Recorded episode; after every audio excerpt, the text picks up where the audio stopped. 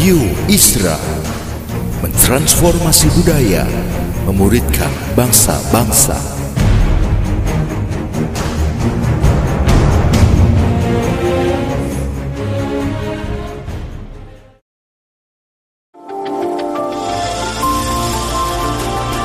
Voice of Pradaim menyuarakan paradigma kebenaran firman Tuhan yang esensi untuk memperlengkapi Anda menggenapi misi dan panggilan ilahi. Selamat mendengarkan.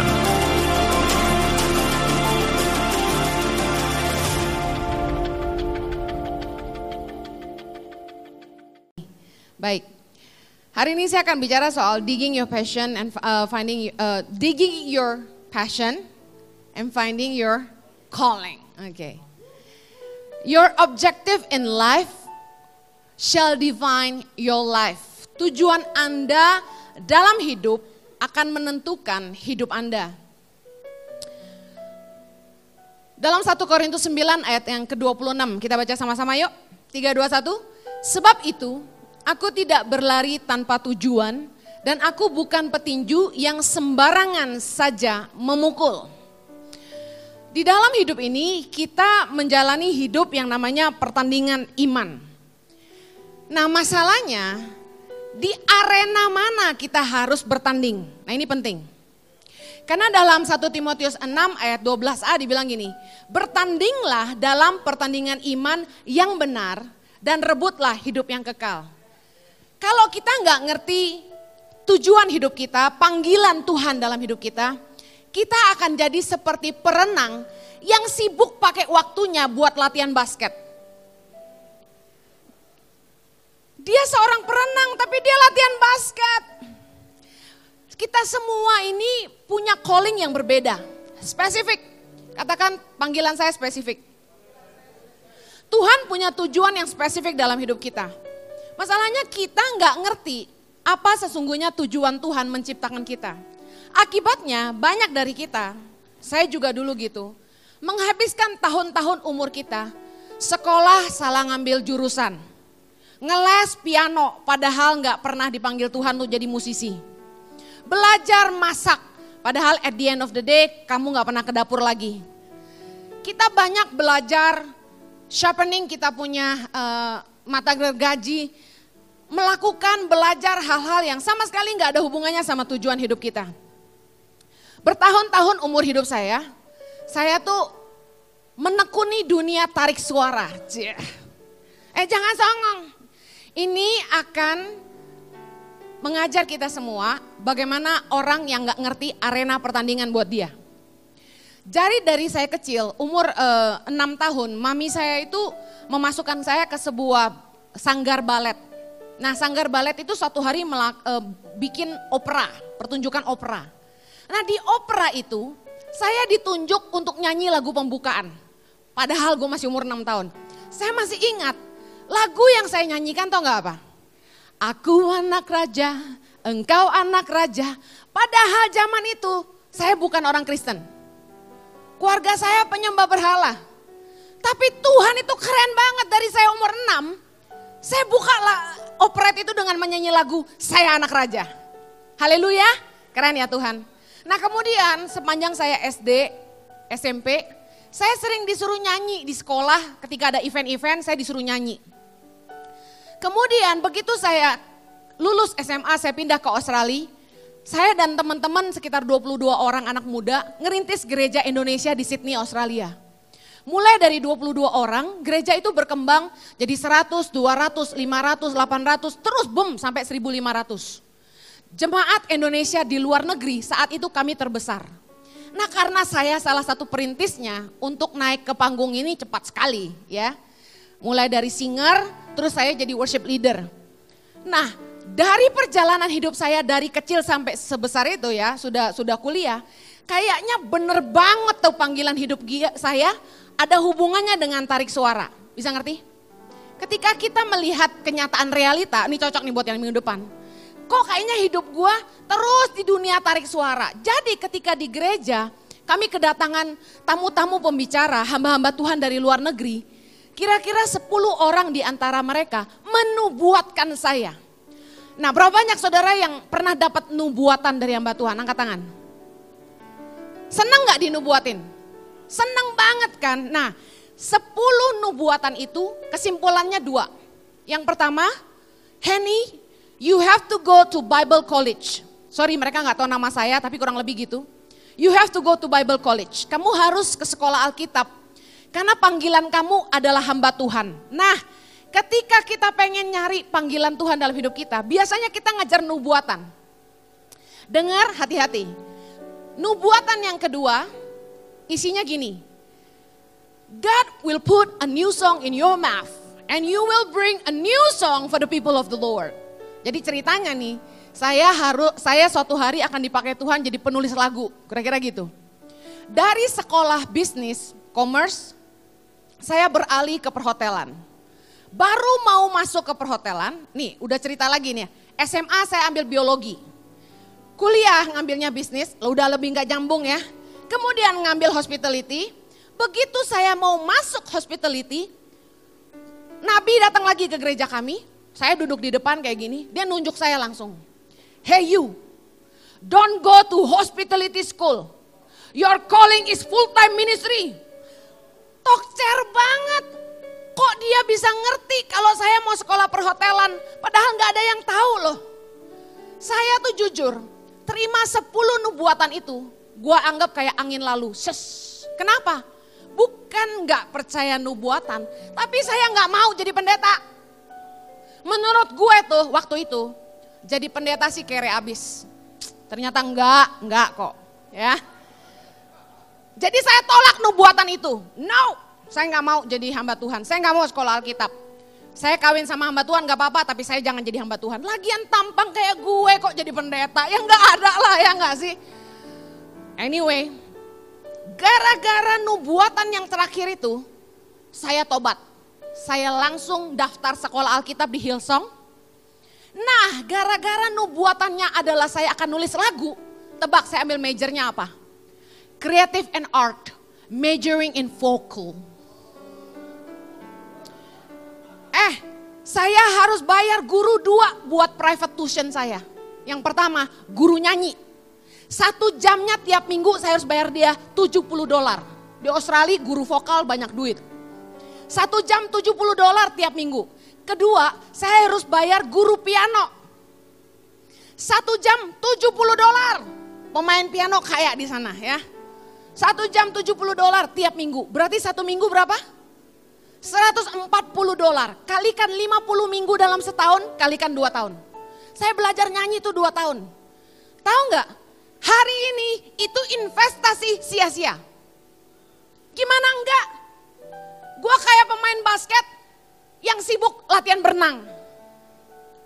Dipanggil Tuhan untuk sesuatu yang berbeda, tapi sibuk melengkapi diri dengan perkara-perkara yang saya lihat secara lahiriah. Habis nyambung banget kan dari kecil udah nyanyi.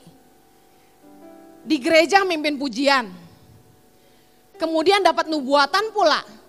Saya nggak bilang bahwa nubuatan salah, tapi saya mau bilang gini. Firman Tuhan berkata, ujilah segala sesuatu kita nggak boleh mendukunisasi hamba-hamba Tuhan. Amin. Ini istilah dari Heni Kristianus. Jangan mendukunisasi hamba-hamba Tuhan. Gue kasih tahu, sering kali orang itu suruh pendeta puasa tiga hari supaya doain dia jodohnya siapa. Lah pendeta yang jomblo aja nggak tahu jodohnya siapa.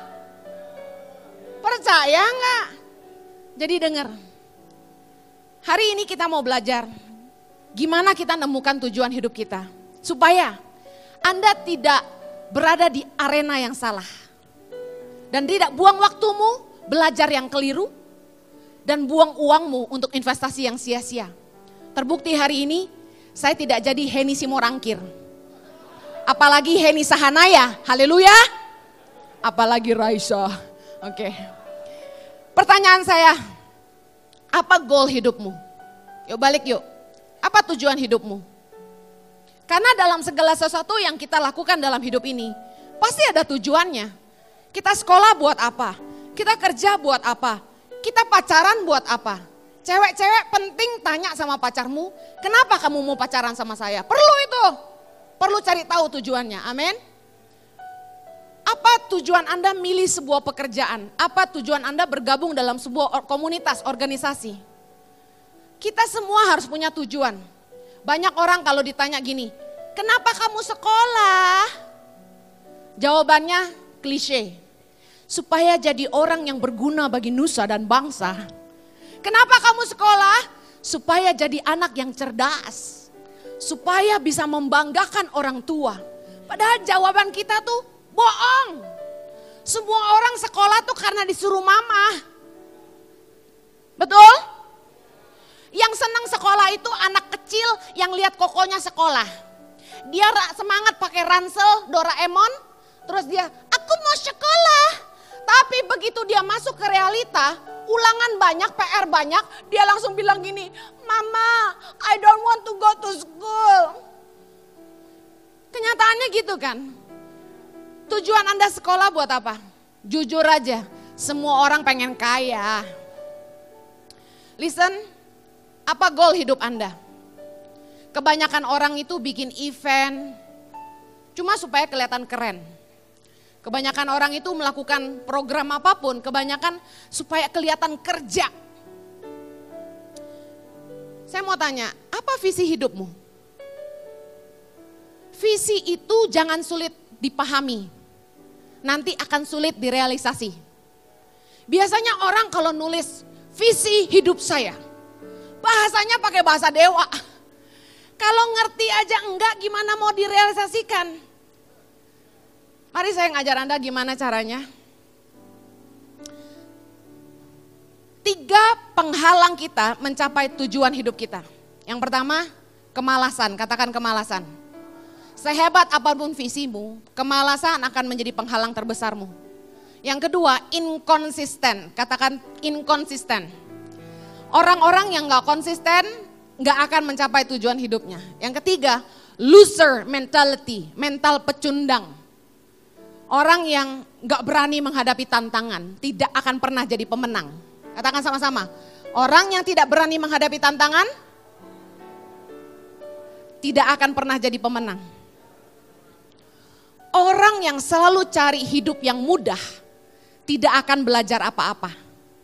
Sebelum kita digging your true passion, saya mau warning Anda bahwa sekalipun Anda tahu visimu, tapi kalau tiga ini Anda tidak menang, Anda tidak akan pernah raih tujuan hidupmu. Kenapa penting kita mengerti tujuan hidup kita? Apa yang Tuhan mau buat kita? Ya ini, Anda punya kekuatan untuk bertahan meskipun banyak tantangan. 2 Petrus 1 ayat 10 sampai 11 kita baca sama-sama yuk. Karena itu saudara-saudaraku berusahalah sungguh-sungguh supaya panggilan dan pilihanmu makin teguh. Sebab jikalau kamu melakukannya, kamu tidak akan pernah tersandung.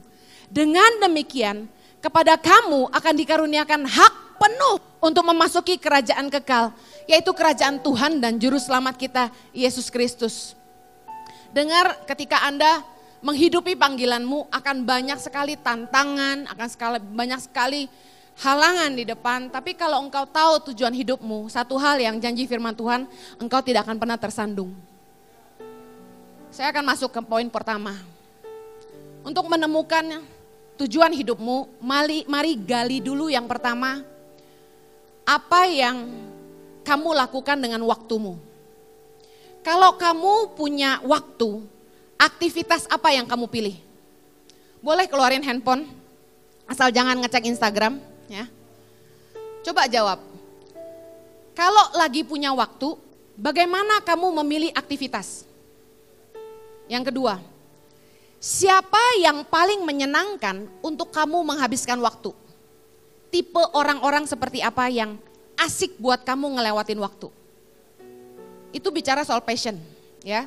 Kalau ada waktu, biasanya kamu milih aktivitas apa? Yang kedua, siapa yang kamu pilih untuk spending time? Jangan bilang pacar ya, karena itu sudah pasti. Yang ketiga, bagaimana kamu menginvestasikan waktu? Ini penting, ini jawab dulu. Satu tentang waktu. Yang kedua, to learn about your passion. Apa yang kamu pilih untuk pelajari? Coba bertanya sama dirimu sendiri, keahlian apa yang kamu ingin miliki? Kira-kira kalau di kesempatan dikasih kesempatan untuk belajar sesuatu, kira-kira apa yang kamu pilih? Kamu mau belajar apa? Coba. Kemudian artikel atau buku apa yang menarik untuk kamu baca? Dari banyak buku, coba lihat judul-judulnya. Yang mana kira-kira judul buku yang menarik buat kamu? Mungkin kamu orang yang malas baca. Tapi karena judulnya begitu menarik, kamu buka atau ketika kamu lihat koran, set screaming apa lihat-lihat lihat-lihat lihat tiba-tiba ada satu judul artikel yang menarik banget buat kamu. Nah, itu apa? Kemudian tipe orang-orang yang kamu pilih untuk jadi mentor. Kalau kamu milih mentor, kamu mau pilih mentor yang seperti apa? Listen up ini butuh konselor pribadi dan biasanya it's not free. Tapi hari ini saya bagikan buat Anda, make sure, you, make sure Anda sungguh-sungguh menjawab ini di rumah ya. Karena ini akan menolong Anda untuk find your true passion. How you use your time, number two, what you choose to learn. Number three, what you count valuable. Apa yang menurutmu berharga? Bagaimana Anda menilai apa yang menjadi prioritas dalam hidup Anda? Yang kedua, bagaimana Anda menginvestasikan uangmu. Karena firman Tuhan berkata, di mana hatimu berada, eh, uangmu berada, hartamu berada, di situ hatimu berada. Atus 6 ayat 12. Coba pikir, duitmu paling banyak habis buat apa? That's what you count most valuable. Yang berikutnya, bagaimana saya memilih segala sesuatu yang menentukan masa depan? Segala sesuatu yang menentukan masa depan itu paling penting buat kita, benar? Nah, coba lihat dari dua hal. Bagaimana kamu memilih pasangan, kriterianya apa? Dan bagaimana kamu memilih sebuah pekerjaan. Karena kalau Anda sedang bangun masa depanmu, bagaimana Anda memilih pasangan dan bagaimana Anda memilih pekerjaan, itu menjadi sangat penting, crucial. Kalau cuma milih karena cakep doang, men, kamu tidak sedang serius dengan hidupmu. Yang keempat, ini yang saya mau ngomong banyak. Saudara harus tahu bahwa setiap kita ini lahir dengan tujuan Tuhan dalam hidup kita. Katakan amin. Percaya nggak bahwa ketika Anda lahir ke dunia ini, Tuhan itu sudah punya ide untuk hidupmu. Anda tidak lahir ke dunia ini karena papamu buat iseng-iseng malam-malam. Tapi dengar, tidak ada seorang pun yang bisa lahir ke dunia ini kalau Tuhan tidak menginginkannya. Banyak orang yang nikah sah di gereja catatan sipil, tapi sampai hari ini mereka tidak punya keturunan. Tapi ada orang yang cuma asal secelup dua celup di luar bisa jadi. How come? Karena saya yakin setiap orang kalau bisa lahir ke dunia ini, mereka lahir dengan tujuan Tuhan dalam hidup mereka. Gak ada seorang pun bisa lahir tanpa kehendak Tuhan. Nah pertanyaannya gini, Pernah nggak Anda bertanya sama Tuhan, untuk apa saya diciptakan? Mari baca Mazmur 139 ayat yang ke-16. Baca sama-sama. Matamu melihat selagi aku bakal anak. Dan dalam kitabmu semuanya tertulis. Hari-hari yang akan dibentuk sebelum ada satupun daripadanya. Bayangin, waktu kita masih dalam kandungan ibu kita, dalam kitabnya Tuhan tertulis hari-hari yang akan dibentuk, berarti belum ada. Rencana Tuhan buat masa depan kita, Tuhan tulis di dalam kitab kehidupan waktu kita masih dalam kandungan. Keren banget. Sebelum kita lahir, Tuhan sudah punya rencana buat kita. Nah pertanyaan saya, pernah nggak Anda berdoa, bertanya kepada Tuhan, apa ide Tuhan ketika dia menciptakan hidupmu? Kebanyakan kita begitu kita gabung ke gereja, saya sayangkan di pemuritan ini tidak diajarkan. Kebanyakan kita disuruh melayani. Kita ikut Bible teaching yang akhirnya mengajar kita tentang baptisan, penuh roh kudus, eh, dan lain-lain. Itu penting. Tapi sayangnya kemudian waktu bicara soal pelayanan, Semua orang diarahkan untuk melayani mulai dari pintu. Jadi asyer, kalau bisa nyanyi jadi singer, kalau bisa ngerti multimedia, di bagian multimedia. Padahal kenapa kita tidak menyuruh orang untuk yuk doa yuk. Tuhan punya rencana apa buat hidupmu? Karena jelas Tuhan punya purpose. Bayangin, selama saya hidup jadi orang Kristen, saya habisin belasan tahun umur saya hanya nyanyi di gereja. Bayangin, cuma jadi singer sama worship leader. Saya sempat jadi worship pastor di gereja yang kami uh, kami rintis di Australia. Saya nggak ngerti sama sekali kalau Tuhan punya rencana buat saya di luar gereja. Saya nggak pernah diajarin sama sekali bahwa Tuhan punya tujuan buat hidup saya. Saya cuma ngerti gembala suruh saya ini saya lakukan aja. Efesus 2 ayat 10, kita baca sama-sama. 3, 2, 1. Karena kita ini buatan Allah diciptakan dalam Kristus Yesus untuk melakukan pekerjaan baik yang dipersiapkan Allah sebelumnya. Ia mau supaya kita hidup di dalamnya. Saya ulangi, bahwa Yesus di dalam Yesus kita telah diciptakan untuk melakukan pekerjaan baik. Jadi berarti nggak ada seorang pun yang diciptakan Tuhan untuk jadi penjahat. Yang dipersiapkan Allah sebelumnya, pekerjaan baik apa yang Tuhan persiapkan sebelumnya? Ini yang kita mau cari tahu. Satu kehendak Tuhan bahwa dia mau kita hidup di dalam rencananya. Jadi please semangatlah untuk kejar panggilan hidupmu. Bagaimana caranya? Enggak ada cara lain. Saya tadi udah ngomong di awal. Jangan pernah mendukunisasi hamba-hamba Tuhan. Yang kamu harus lakukan untuk cari tahu apa ide Tuhan ketika menciptakan kamu? Cuma satu. As the creator. Bertanyalah kepada penciptamu. Karena hanya sang pencipta yang paling tahu tujuannya untuk ciptaannya. Gak ada yang lain. Amen. Jangan tanya hamba Tuhan, jangan tanya papa mamamu, mereka gak tahu. Waktu saya pulang ke Indonesia tahun 2006, bulan Januari, Tuhan bicara sama saya gini, di suatu pagi Tuhan ngomong gini, Henny selamatkan generasi. Untuk pertama kalinya dalam hidup saya. Tuhan bicara sesuatu yang saya tidak pernah mengerti sebelumnya. Tuhan bilang gini, selamatkan generasi. Saya percaya ketika Tuhan itu berbicara kepada kita, sebenarnya dia cuma ngomong satu kata, tapi entah bagaimana hikmat Tuhan lewat pertolongan roh kudus memampukan kita memahami apa yang dia mau. Saya langsung bilang Tuhan kalau Tuhan mau saya tinggal di Indonesia tolong bicara sama suami saya. Karena gimana pun saya istri orang. Waktu Jojo datang jemput saya Februari 2006. Jojo tuh just for your info, keluarga besarnya ada di Sydney, Australia. Terus kami saat itu punya bisnis, punya rumah meskipun masih nyicil, punya mobil dua dan income tetap yang luar biasa buat kami.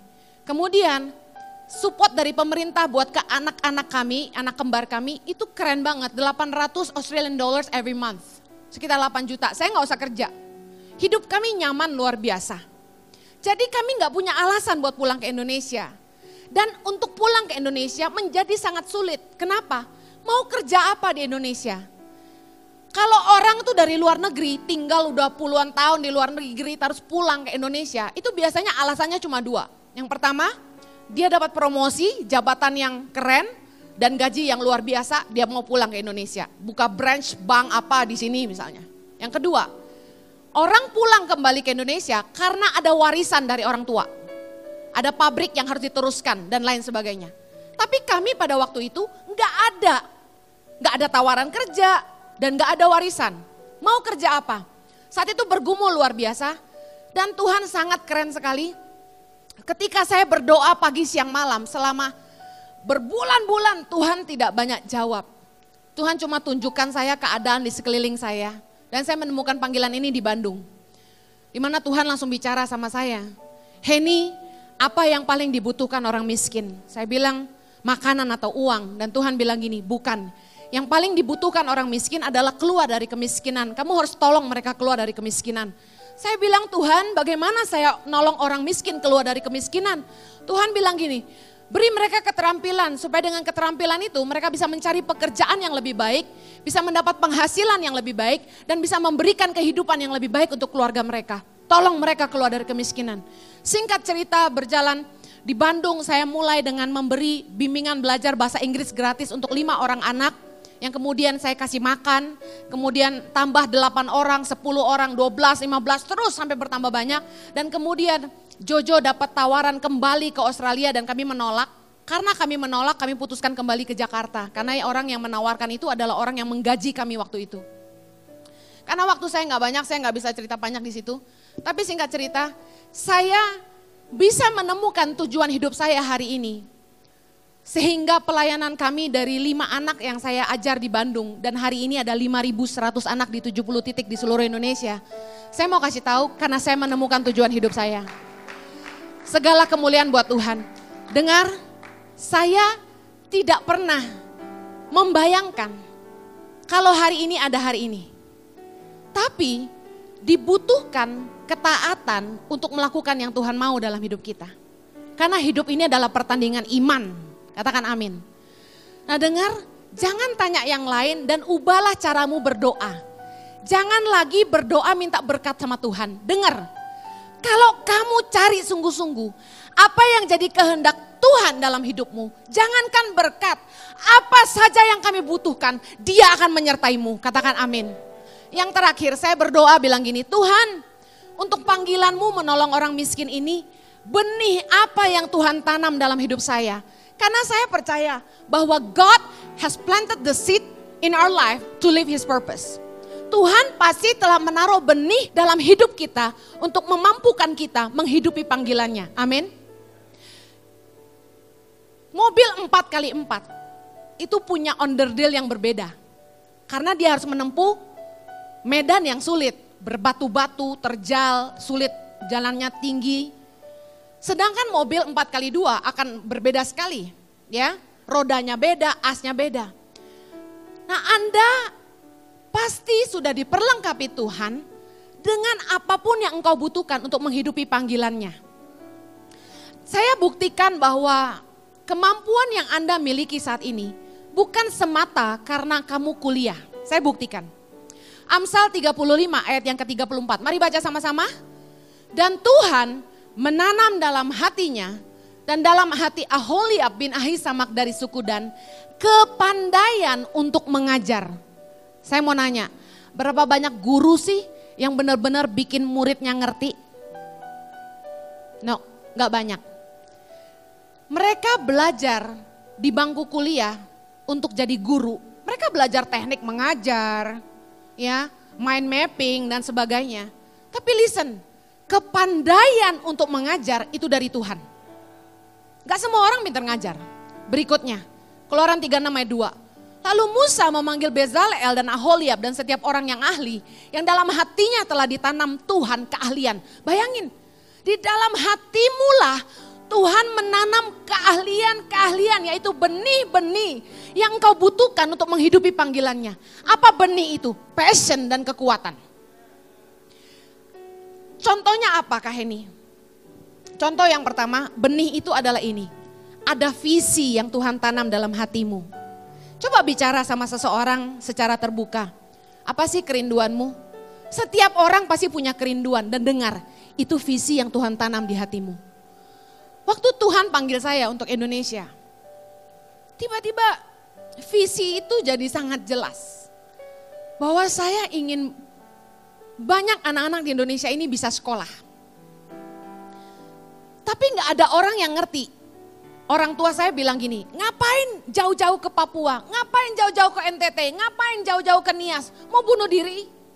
Tapi dengar, orang lain gak akan ngerti visi yang Tuhan tanam dalam hatimu. Tapi setialah dan konsistenlah. Dan semua karya-karya Tuhan dalam hidupmu akan membuktikannya. Amin. Waktu itu belum ada hari ini. Hari ini orang tua saya sudah mengerti jelas. Tapi zaman itu betapa sulitnya, bisa paham? Ngapain lo ke pedalaman? Nolong diri sendiri aja nggak bisa. Benih yang pertama adalah visi. Dan supaya ia menjadikan mata hatimu terang. agar kamu mengerti pengharapan apakah yang terkandung dalam panggilannya, betapa kayanya kemuliaan bagian yang ditentukannya bagi orang-orang kudus. Bedanya talent sama calling tuh ini.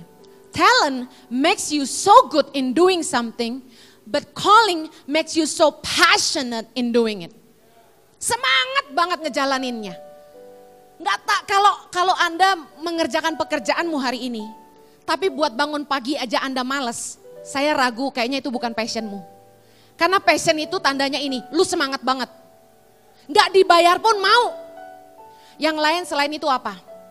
Ngerjain itu penuh dengan kekreativitasan.